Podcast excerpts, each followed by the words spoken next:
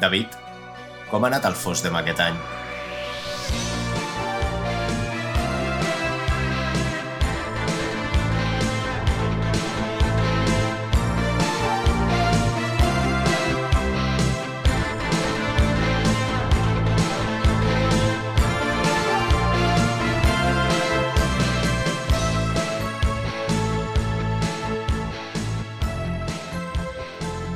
Hola, Òscar.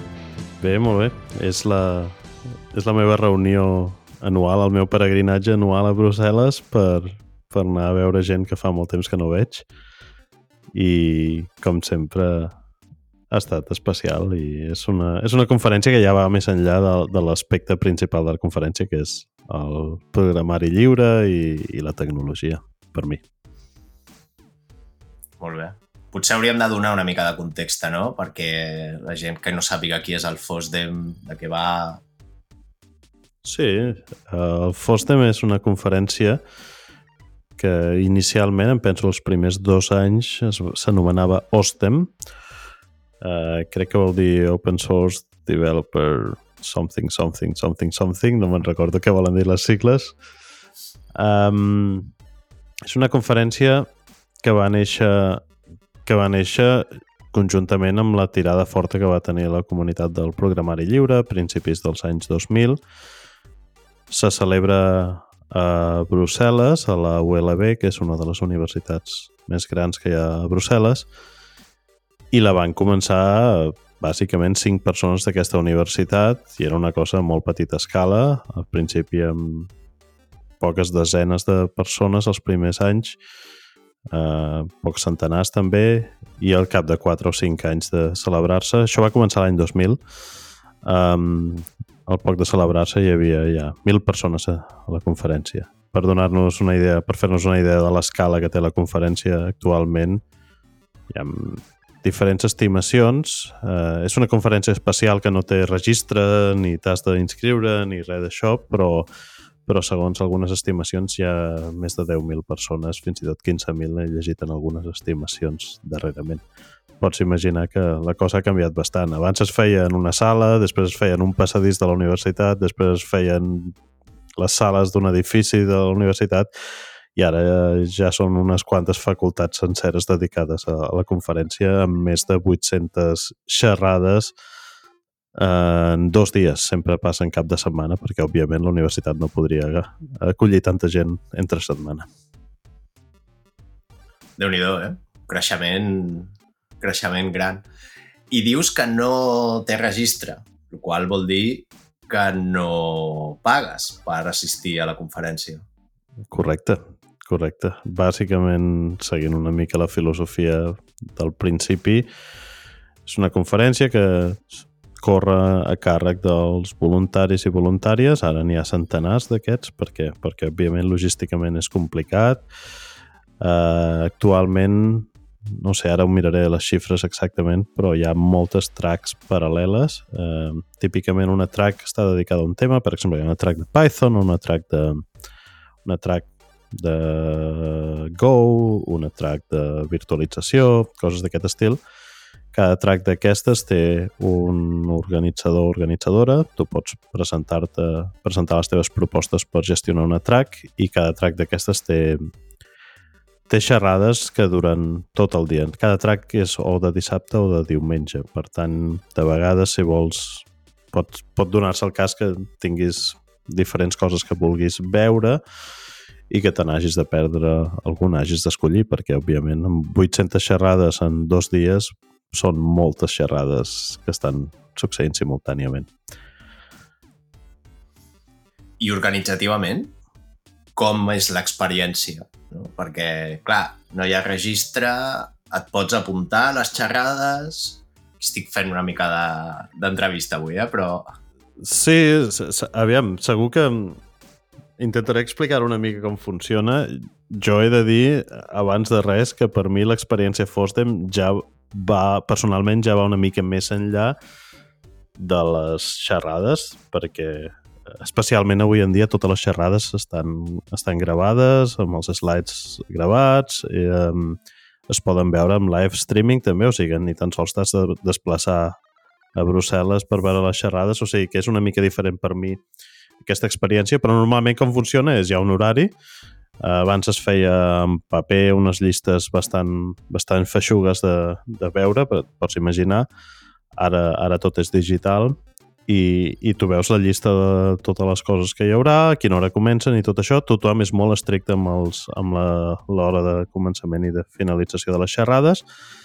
I bàsicament abans de que la xerrada comenci fas una mica de cua, sempre hi ha un recés d'uns 5 minuts, fas una mica de cua davant de la sala on s'ha de fer aquesta xerrada i si s'alliberen prou cadires, entres. I si no, com passa en alguns temes que són molt populars, doncs et quedes fora perquè no hi ha prou espai. I hi ha auditoris sencers de centenars de persones. De fet, l'auditori gran que, que es diu Janssen, eh, aquest auditori gran, jo crec que mil persones hi caben fàcilment, però, però moltes vegades no s'hi pot entrar perquè hi ha tanta gent que vol veure certa xerrada que, que, que te l'acabes perdent veient-la en directe. I una cosa que és important, bueno, logísticament és un caos, com et pots imaginar, eh, perquè hi ha molta gent molta gent que vol veure alguns temes um, i el FOSDEM com és un reflexe de l'estat de la tecnologia o de cap on van les coses, hi ha temes que en algun moment doncs, es converteixen en més atractius. Clar, jo recordo molt clarament doncs, quan es va començar a parlar de virtualització, quan es va parlar, començar a parlar d'observabilitat, de containerization, de totes aquestes coses, uh, aquestes, aquestes xerrades tenien molta tirada i, i era difícil entrar-hi. És, és cert. Hi ha alternatives, la, o la veus després, o te'n vas a un dels bars de la facultat de Seu si trobes cadira, perquè també és bastant divertit això, i la veus, la veus des de l'ordinador, o simplement busques a l'agenda i te'n vas a una altra xerrada que sempre trobaràs alguna cosa que serà força interessant. Bueno, fa, fa bona pinta la, la pregunta que em sorgeix és, clar, amb el, amb el que ha crescut aquesta conferència, és sostenible? Com es sosté? Com es fa? Com, com hi ha sponsors o hi ha algun tipus de... Perquè, clar, vull dir, la, la idea sorgeix, no?, com molt de la comunitat de programari lliure, molt, molt en, en defensa d'aquest concepte, quins són els, els trade-offs que hi ha o com, subse, uh, com subsisteix aquesta conferència al llarg dels anys. Estem parlant de 24 anys des, del, des de l'any 2000 uh -huh. um, i amb creixement d'assistents. Correcte. Eh, aviam, hi ha uns sponsors, sí. Eh, hi ha empreses com Red Hat, Cisco i altres empreses que donen diners a la conferència, per a aquestes empreses de vegades és una mica una operació de, de màrqueting. Ells tenen el logo de sponsors al, als leaflets aquests digitals i tot això. Uh, Cisco de vegades hi ha donacions en espècies. Per exemple, recordo que fa uns quants anys, 5 anys o així, Cisco va, va fer un donatiu de, de tot l'equipament de xarxa per les wifis i tot això, una, com a manera d'esponsoritzar-ho. Um, més o menys s'aguanta. El donatiu principal aquí és el de l'espai. Clar, no fer una conferència així en un venue de, que, de les dimensions per allotjar tanta gent seria impossible de pagar si no fos per una entitat privada amb molts calés. Per tant, la Universitat aquesta lliure de Brussel·les doncs, contribueix molt a que la conferència pugui seguir existint. Hi ha molta logística accessòria ara mateix, això no era així abans, Ara, al principi, els primers anys, només hi havia un dels bars de la facultat oberts, bàsicament, i tothom que havia allà o menjava allà, anava buscant trepans o el que fos. De fet, abans era al principi, hi havia un recés al, mig, al migdia eh, de tots els tracks i era molt comú sortir de la zona de la facultat per anar a dinar o buscar alguna cosa per menjar perquè perquè no hi havia res. Ara mateix la logística ja és impressionant, hi ha quatre o cinc bars de les facultats oberts, hi ha food trucks que, que bueno, no són sponsors, simplement aparquen allà el camió i venen moltíssim perquè hi ha unes cues uh, increïbles. Um, tot és molt d'estar per casa, però molt gran simultàniament, no sé com dir-ho. Uh, més o menys manté aquest, aquest ritual tan, tan d'estar de, fet per, de, d'estar per casa que, que ho fa una mica especial i màgic. I a més hi ha unes quantes regles força interessants, vull dir, no hi ha... Sí que hi ha una zona on, on algunes de les entitats o dels projectes, per exemple MySQL, Postgres i moltes altres coses, tenen stands on fan una mica showcase dels seus productes i de les seves idees i tot això. No sé, no sé quines són els, quins són els requisits per obtenir-lo, però bàsicament crec que és demanar-lo i poc més, ja que ja que són bastant estrictes amb el tema de que tots els projectes de qualsevol dimensió puguin tenir l'espai adequat, o sigui, hi ha projectes que no tenen calés darrere i, i que tenen un estant allà i fins i tot són estrictes amb coses com que no es pot fer recruitment activament. Hi ha una zona on hi ha, on hi ha un lloc per deixar les teves ofertes de feina i tot això, crec que li deien Job Corner, una cosa així, on, on hi ha com uns panells per penjar ofertes i, i coses així, però no, no és una conferència d'aquestes que, que és una operació de màrqueting d'algunes empreses per anar a buscar talent i tot això. Han de... El que es demana crec que és una mica més d'implicació de, de les empreses que hi vulguin ser o de les entitats que hi vulguin ser. I més o menys això continua funcionant i jo crec que, vull dir, logísticament, logísticament és una, és una meravella. Ara mateix, per exemple, cada sala de reunions té el seu... Cada sala de, de conferència té el seu equipament d'àudio, de vídeo, hi ha voluntaris que fan, porten la càmera, que porten els micròfons, totes aquestes coses. Està, funciona, funciona força bé. No sé, no sé ben bé per darrere com va això a nivell de números, però, però és impressionant que una cosa així organitzada per voluntaris que, molts d'ells estudiaven inicialment en aquesta universitat hagi pogut tirar tan, tan fort endavant. Ostres, m'agrada el, el concepte de, de la hard rule aquesta de no poder fer recruitment, no? centrar el que són les xerrades, centrar el que són les, els tracks en, en tecnologia i, i no en propaganda de que guai som i tal, sinó més centrat, més centrat en això.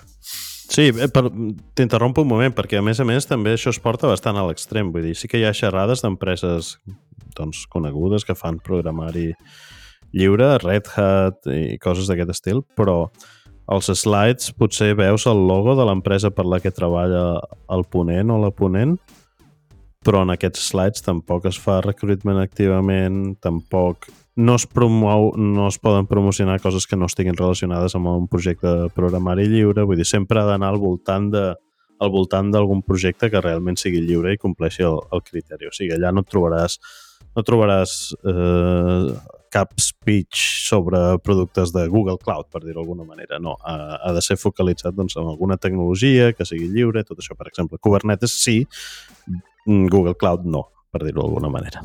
Vale. Bueno, té, té sentit, és coherent una mica amb la, amb la línia. Vale, doncs seguint amb la, amb la línia que porto avui de Ramon Pellicer, um, explica'm una mica quines xerrades t'han agradat, que, quins temes interessants has, has escoltat. M'estàs fent la pregunta molt complicada, eh? Perquè, perquè torno, torno al meu tema inicial. Ai. Jo ara vaig al Fosdem ja no només per les xerrades, perquè les xerrades que m'interessen normalment estan molt, molt plenes i, i me les miro amb calma a casa o a l'hotel després o el que sigui. Però puc ressaltar, puc ressaltar que aquest any hi ha hagut un track dedicat a intel·ligència artificial i LLMs i machine learning i tot això uh -huh. um, amb moltíssimes xerrades interessants. Um, aquest track no existia l'any passat, per dir-ho d'alguna manera. I això és una cosa que potser hauríem d'explicar també i és l'evolució l'evolució tecnològica que es palpa al FOSDEM. Jo me'n recordo que quan hi vaig anar per primera vegada, clar, el, eh, va ser el 2003 per mi, o sigui que hi he anat unes, uns 20-21 vegades, quan hi vaig anar la primera vegada um, vaig... Clar, el tema més que tothom parlava i molt up and coming, per dir d'alguna manera, era, no sé, configuration management, coses d'aquest estil, Puppet, tot això. Tres anys més tard, quan tot això ja estava més o menys comodititzat o ja hi havia bones eines al respecte, doncs tothom va començar a parlar què és això de virtualització, eines de virtualització, d'abstracció de, de compute i tot això. Uns anys després es va començar a parlar molt de containerització, uns anys després xerrades de monitorització, uns anys després... I clar, cada, cada any hi havia tracks de les noves tendències. Doncs aquest any la nova tendència, una de les noves tendències ha estat, ha estat um, el tema de, de intel·ligència artificial i tot això. Que, que jo crec que indica que el món del programari lliure no, no està quedant-se quiet en aquest tema i això és molt important, crec, perquè, perquè jo realment penso que veurem cada cop més models eh, de LLMs i coses d'aquest estil que siguin molt específics, molt més específics, que siguin lliures realment. Òbviament, ja va, vaig, a, vaig a anar a una xerrada on es parlava de com es definiran els models d'intel·ligència artificial lliures. És a dir, què és un model lliure? És un model on els pesos són lliures, com passaria com passa, per exemple, amb el model de llama de Meta Facebook. És un model on on la cuina per, per, generar, per generar aquest model és lliure, o sigui, tot el programari darrere, o és un model on, a més a més, també les dades que s'han utilitzat per entrenar aquest model són lliures. Clar, tot això redefineix una mica el concepte de què vol dir programari lliure i no tenim una definició clara. I, de fet, eh, va, vaig, a, vaig anar a una xerrada on es parlava d'una proposta de com definir un, un model eh, lliure. I bàsicament la idea que ells tenen és que d'aquests tres criteris que he enumerat, si un model en compleix dos de tres, doncs és gairebé lliure, o si compleix els tres és totalment lliure, i si compleix cap dels tres és, bueno, és llavors OpenAI, i, i si compleix un dels tres, doncs és molt limitat, per dir-ho d'alguna manera. Llavors, està bé que s'estigui parlant d'això perquè crec que veurem el naixement de, de moltíssims models nous específics. Cada dia, si mirem Hugging Face i coses d'aquest estil, cada dia hi ha nous models, que, literalment cada dia de l'any, o sigui que, que el programari lliure tindrà, tindrà molt a dir en això. Després un tema que és una passió meva, que ja ve d'un track que va començar a fer-se l'any passat, si no recordo malament, hi ha un track de Open Transport, Railway i coses d'aquest estil. Bàsicament, okay.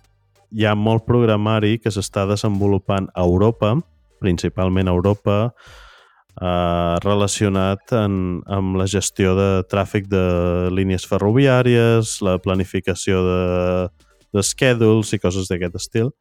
Això pot semblar un nínxol, però, però crec que serà un mercat en creixement i és un mercat on el programari lliure no pot perdre el tren, mai millor dit, perquè, perquè crec que serà fonamental pel, per la nova manera de transportar i de consumir energia a Europa. Aquest any també hi ha hagut moltes xerrades sobre, sobre què pot fer el programari lliure en, en el món de, de l'estalvi d'energia i de la generació d'energia eficient i de tenir xarxes de distribució d'energia doncs, equilibrades, on tothom hi pugui contribuir, coses d'aquest estil. O sigui, una tendència molt clara cap a la sostenibilitat i cap al que serà la nostra realitat del món on deixarem de cremar per cremar on hauríem de deixar de cremar per cremar i haurem de ser una mica més curosos amb els recursos aquests que són tan, tan escassos. Uh, molt interessant per, penso jo que, que el món del programari lliure i els cervells doncs, doncs estiguin parlant, estiguin pensant en coses d'aquest alt nivell en lloc de pensar, jo que sé, en els nuclis del sistema operatiu i coses doncs, molt més baix nivell que, que era una tradició de fins ara. O en lloc de pensar en llenguatges de programació i frameworks i tal, estem parlant ja més de coses d'aplicabilitat. Jo crec que és molt... indica molt. I, i el FOSDEM jo l'utilitzo com un termòmetre per, per veure a on s'estan posant hores de desenvolupament en el planeta i, i és força interessant. I potser l'última cosa que vull ressaltar és que és que va haver una xerrada que no la vaig veure i no recordo de quin tema és, o sigui, no dono res de dades, però que la va donar un noi que té 16 anys i va deixar tothom amb la boca oberta. Clar, una cosa que ha passat al FOSDEM és que molta gent que va anar al FOSDEM amb dos anys acompanyant els seus pares a l'any 2003-2004, ara ja són grans i alguns d'ells estan fent xerrades al FOSDEM. És molt interessant aquest, aquest intercanvi generacional que està succeint i ara, per exemple, hi havia un track dedicat a, a ensenyar programació a infants, a eines per educació i tot això.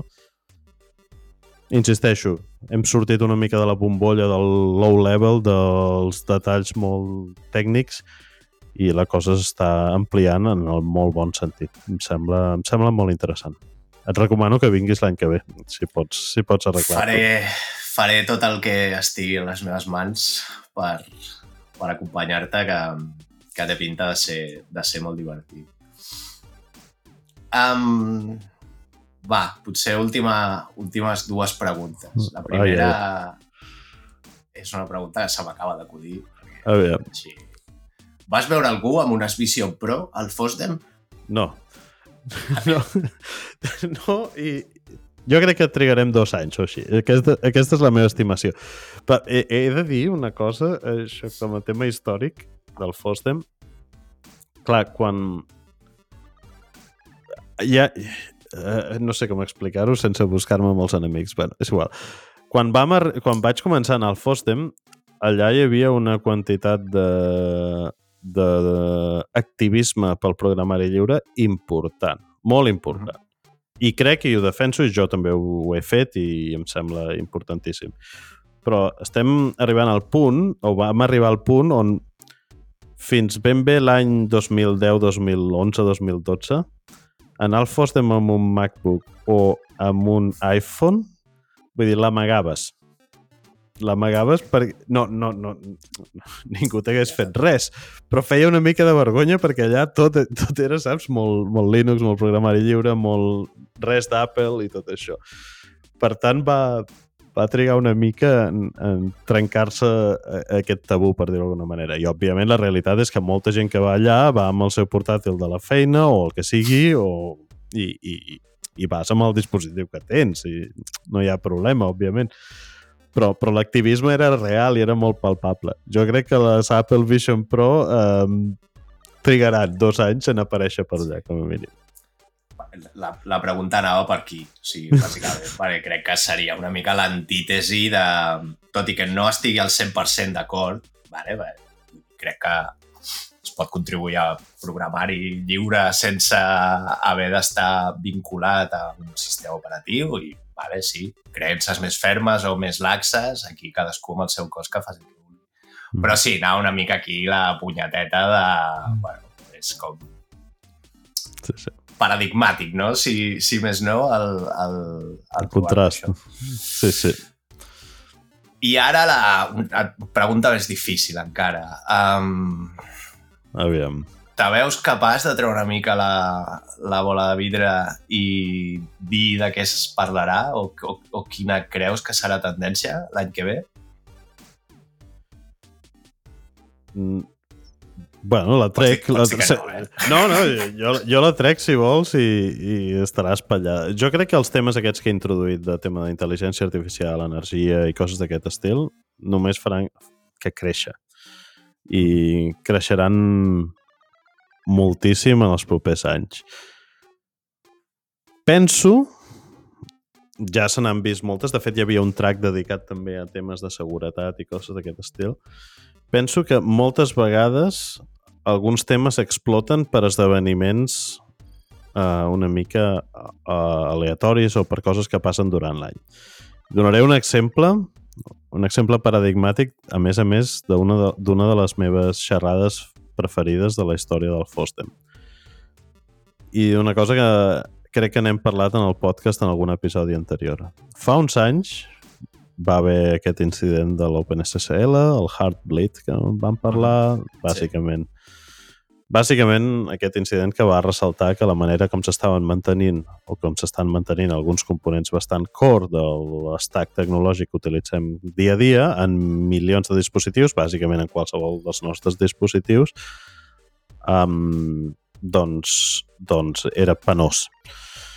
Això va fer que en un any, en menys d'un any, es comencés a parlar moltíssim, moltíssim de, de què passa amb aquests projectes històrics. I recordo, per exemple, el, La xerrada, crec que també ho havia comentat al podcast, que va haver just després d'aquest incident on es parlava de l'estat lamentable de salut del projecte NTP, el Time Protocol, que bàsicament estava mantingut per una persona que, que havia perdut la vista i era l'única persona que mantenia aquest, aquest programari. Per cert, aquesta persona va morir fa un mes, o sigui que en pau descansi, David L. Mills. Um, llavors, jo crec que durant el 2024, n'estic força segur, passaran bastantes coses i alguna d'aquestes coses serà generarà una mica de, de tendència o farà que un tema es posi, es posi més a la nostra agenda. Llavors, si he de treure una mica la bola de vidre i dir què pot ser, jo crec que estem en un punt on ens hem passat molts anys movent-nos cap a una computació més real-time i totes les coses que hem estat fent i veient, o moltes de les coses que hem estat fent i veient, com cloud providers, compute, Kubernetes, orchestration, tot això, han, han intentat millorar el runtime real-time del software, però estem inevitablement anant cap a un món on, donades les limitacions que tenim de hardware en quant a GPUs i tot això, tornem a fer una mica de batch computing, o sigui, precalculacions, precomputacions, preentrenaments de models, fine-tunings, històries d'aquest tipus. I crec que durant molt de temps els cloud providers han estat empenyent en la direcció de més real-time, millor real-time, més primitives de microserveis en real-time, totes aquestes històries, però és bastant obvi que en el món del machine learning, si et mires codis d'exemples de Hugging Face i tot això, hi ha molt deute tècnic o molta convenció que falta. Jo crec que ens falten bon, bons frameworks. No, no parlo de nous llenguatges, perquè, per exemple, l'ecosistema Python i tot això per machine learning és molt sòlid i està millorant amb, ràpidament, però ens falten potser nous frameworks noves pràctiques per estandaritzar o comodititzar tot això. I això ho trobo una mica a faltar. Ja eh, estem veient alguns proveïdors com de cloud, per dir d'alguna manera, més orientats a batch, apareixent, com model.com i coses d'aquest estil, però jo crec que estem veient la punta de l'iceberg. I en els propers anys se'n parlarà molt d'això. No hi ha prous GPUs per fer tot això real time i és impossible per temes de necessitats de computació i haurem de fer més batch una altra vegada i veurem una, dic una altra vegada perquè això és un cicle que s'ha anat repetint en la història de la computació. Uh, um, jo crec que veurem una aparició de tecnologia al voltant d'això i crec que el FOSDEM, com sempre fa, reflexarà la realitat. I jo crec que, a més a més, és una cosa on, on, on contribuïdors de programari lliure i gent que domina bastant bé el tema del low level i té molt a dir. I té molt a dir, perquè, perquè hi ha el clash aquest típic del programari que s'escriu en el món de la recerca i el programari que s'escriu en el món del high performance computing doncs aquest clash tornarà a trobar-se i arribarem a un punt on on les best practices sortiran una mica de la comunitat d'enginyeria. I jo crec que, que si no ens ho fem nosaltres en el món del programari lliure, algú ho haurà de fer, però estic bastant segur que aquestes convencions per tenir èxit hauran de ser programari lliure.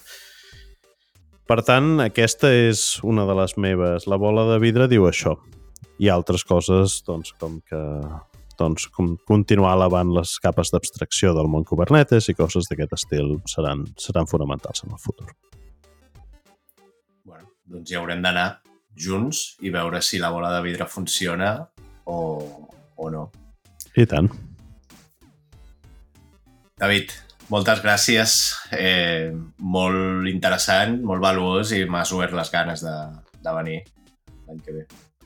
Molt bé, i a més Brussel·les és una ciutat molt maca, fa un fred de nassos al febrer normalment, ara ja no perquè ja no fa fred a Europa, però, però quan feia fred feia molt de fred, però sempre hi ha una bona cervesa, xocolata, musclos amb patates fregides, aquests plats tan típics de, de Brussel·les. Molt bé. Molt bé. Gràcies, Òscar. la setmana que ve. Que vagi bé. Adéu, fins aviat.